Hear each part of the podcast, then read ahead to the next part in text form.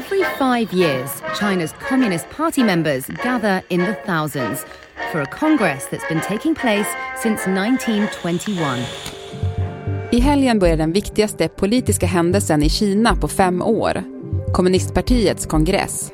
Efter att ha ändrat grundlagen kan ledaren Xi Jinping nu väljas om för en historisk tredje period. Något som inte hänt sedan Maos tid. På en kvart får du veta hur Xi Jinping tar ett allt hårdare grepp om makten och hur Kinas politiska vägval kan påverka resten av världen. The new leadership will set policy in China for the next five years and beyond. Det är fredag den 14 oktober. Det här är dagens story från Svenska Dagbladet med mig, Alexandra Karlsson. Moa Kärnstrand, du bevakar Kina här på Svenska Dagbladet. Och nu i helgen är det alltså partikongress. Varför är det här spännande? Ja, spännande eller betydelsefullt i alla fall är det skulle jag säga och eh, det beror egentligen på att under den här partikongressen så kommer vi att kunna få en del ledtrådar kring vilken politik Kina kommer att föra framåt och vi kommer också kunna få liksom ledtrådar kring hur stark eh, Xi Jinping är i sin makt. Eh, och maktspelet i Kinas topp det pågår ju alltid bakom stängda dörrar så det här är liksom den enda gången som man på något sätt kan göra en analys av det. Mm. Som jag förstår det så kommer Xi Jinping hålla ett tal på söndag, ett slags State of the Union. Vad kommer du lyssna efter då? Eh, de här talen är ju intressanta för att de är ofta ganska långa och går liksom ut på att dra upp de stora linjerna om hur man vill att Kinas politik ska se ut de kommande fem åren. Jag kommer hålla utkik ganska mycket efter vad Xi Jinping säger om utrikespolitik eftersom att det är för oss den centrala frågan såklart. Kina har liksom drivit en allt mer aggressiv utrikespolitik under Xi Jinping. Nu sitter man lite illa till, man börjar bli mer och mer isolerat av USA, av eh, Europa, eh, inte minst för sina band till Ryssland och sådär. Och eh, nu undrar man ju då vilken väg kommer Kina ta? Kommer det finnas några ledtrådar i hans tal kring hur man ser på den här frågan? Mm. Men också kring liksom vilken bild kommer han måla upp av den världen vi lever i enligt honom? Kommer han att ta upp mycket kring liksom upplevda hot mot Kina och sådär? Det tycker jag ska bli intressant. En annan sak handlar om vad för nya grejer som ska skrivas in i konstitutionen. Mm. Och det är här det blir krångligt i kinesisk politik. Det ser ju så otroligt annorlunda ut än det vi är vana vid. Det kan handla till exempel om eh, några av Xi Jinpings centrala idéer skrivs in i konstitutionen. Så kan det säga någonting om till exempel hans makt eller vilken väg man slår in på. Eh, common prosperity är ett sånt koncept som han jobbar mycket med. Vad kan man säga? Gemensam välfärd. Mm. Det tror många kommer liksom dyka upp på en mer central plats efter den här kongressen. Mm, Okej, okay. du sa där att de här talen kan vara lite långa och jag har förstått att det han höll senast var tre timmar och 23 minuter. Det är ja. ju otroligt långt. Ja, det var väldigt långt. Det var, det var förvånande långt tyckte ju de flesta. Han snackade jättelänge. Han fokade ganska mycket på då att etablera sin ideologiska syn, alltså sin idéskola kan man säga. Han är väldigt mycket inne på det här med ideologi, mycket mer än sina föregångare. Det var ett ganska positivt tal som liksom andades eh, tro om framtiden på något sätt. Kina skulle ta mer plats på den globala scenen och sådär och precis det har ju hänt under den här tiden. Mm. Burrows furniture is built for the way you live. From ensuring easy assembly and disassembly to honoring highly requested new colors for their award-winning seating, they always have their customers in mind. Their modular seating is made out of durable materials to last and grow with you. And with Burrow, you always get fast, free shipping. Get up to 60% off during Burrow's Memorial Day sale at burrow.com slash ACAST. That's burrow.com slash ACAST. burrow.com slash ACAST. Två viktiga punkter då som kongressen ska fatta beslut om nu, det är ju då eh, Politbyrån som är kommunistpartiets högsta organ. Det ska delvis bytas ut. Och så ska ju då Xi Jinping själv väljas om för en historisk tredje mandatperiod. Förklara det här. Ehm, vi kan börja med Xi Jinping då. Eh, fram till 2018 så fanns det en gräns i grundlagen om att presidenter inte fick sitta längre än två perioder. Den tog man bort. Det öppnar ju upp nu då för att han kan sitta for life egentligen. Och vad det innebär det får vi ju se men det innebär ju att eh, Xi Jinping skriver in sig som en av de mäktigaste ledarna i Kinas liksom, moderna historia. Den andra delen som du nämnde där det är ju politbyrån då som är kommunistpartiets eh, mäktigaste instans. Och den kommer att delvis bytas ut och det beror ju då på, mycket på att eh, folk går i pension. De har ju en ganska hård pensionsålder på 68 år. Så det är ingen Joe Biden egentligen som får gå runt och vara lite gammal. Utan, eh, men det som är intressant är ju att titta på politbyråns Eh, ständiga stående utskott, hur man översätter det. Nu idag är det sju pers, varav Xi Jinping är en då, eh, Li Keqiang som är premiärminister en annan. Och där kommer några antagligen att bytas ut. Och då är det ju spännande att se vilka som får de posterna. Inte speciellt mycket för att de personerna liksom kan driva sin politik. Det är inte så. Utan det säger mer om vilken makt Xi Jinping har. Mm. Eh, och hur pass fri att göra vad han vill han är. Liksom. För inom partiet så finns det ju olika fraktioner som har lite olika idéer om saker. Till exempel, man kan ha, de kan ha olika idéer om hur man ser på ekonomi och hur pragmatisk man ska vara i sin utrikespolitik eller sin ekonomiska politik och så. Och om Xi Jinping får in alla sina herrar på alla de posterna som blir tomma så säger det mycket om den makt han sitter på idag. Mm.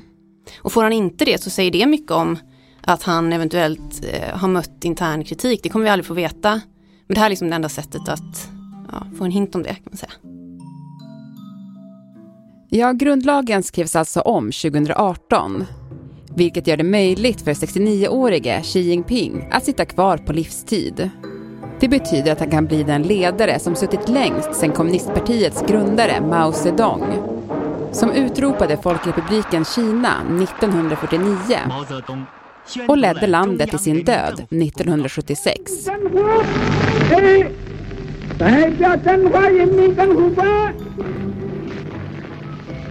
Sen Xi blev ledare för landet 2013 har han jämförts med Mao. Under hans styre har Kina blivit allt mer auktoritärt. Staten slår ner hårt på dissidenter, kritiker och andra inflytelserika personer. I en FN-rapport har Kina anklagats för vad som kan vara brott mot mänskligheten som riktats mot muslimska minoritetsgrupper i provinsen Xinjiang. These are the camps China doesn't want you to see, as yet more evidence emerges that what's happened behind these barbed wire fences to Uyghurs and mostly Muslim minorities may constitute crimes against humanity. Och nu tror många Kina-kännare att Xi kommer att driva landet i en allt mer totalitär riktning. När Xi tog över var kommunistpartiet sargat av korruption och han gjorde sig känd för att inleda ett korståg mot korrupta makthavare och tjänstemän. More than 80,000 Communist Party members have been investigated so far. Genom åren har tusentals inom partiet, staten, militären och de statsägda företagen rensats bort och ställts inför rätta. Bland dem flera mäktiga partitoppar som kanske hade kunnat utmana Xi Jinping om makten. No one, no matter how high ranking, appears safe from Xi's purge att han nu kopplat ett hårdare grepp om makten, vad innebär det? Det innebär att han har koncentrerat mer av beslutsfattandet runt sig själv som person. Mm. Det här är en process som har pågått under en lång tid och de här kampanjerna mot korruption har ju kanske varit en del av det, att man har på något sätt tagit bort en del av sina rivaler. Han har också rent konkret centraliserat beslutsfattandet i Kina bort från eh, statliga institutioner eh, som ett system som hans föregångare byggde upp till att mer handla om att beslut fattas i små grupper, små kommittéer som är kopplade till partiet. De har han fyllt om med sina allierade. Och i många fall sitter han själv som ordförande för dem, så ibland kallas han för ordföranden för allt.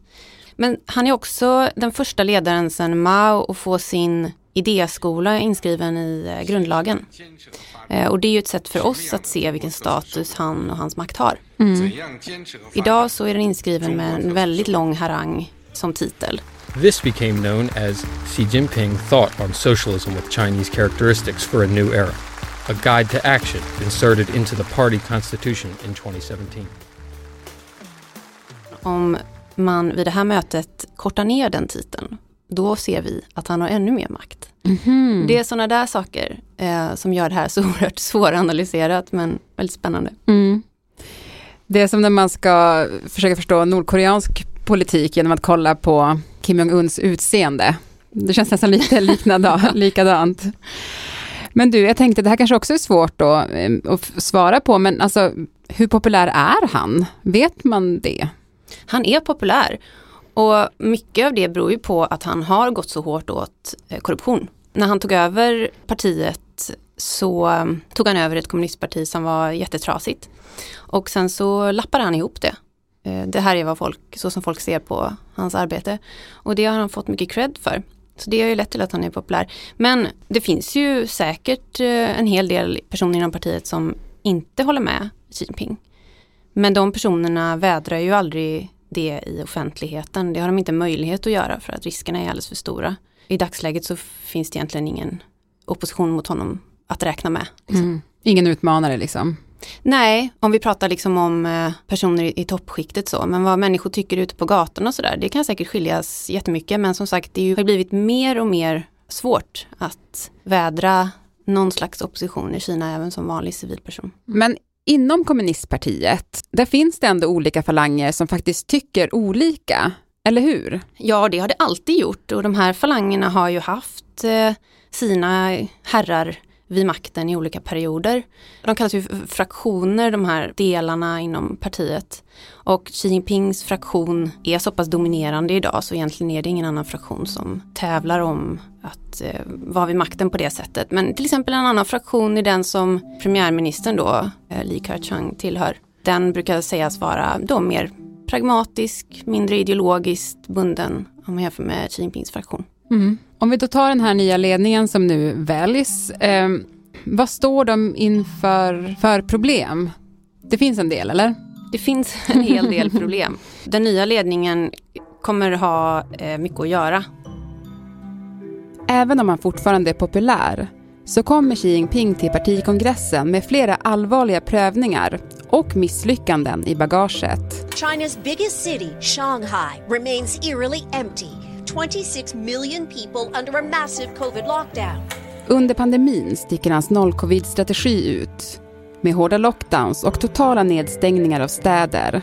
Sjukdomsfallen hölls nere, men ekonomin drabbades hårt. Xi har vägrat släppa Kinas nolltolerans, vilket kritiseras allt mer av vanliga kineser. Anger is soaring. Social media showing videos of protests over food and medicine. Nu brottas landet med en inbromsad tillväxt och en skenande ungdomsarbetslöshet.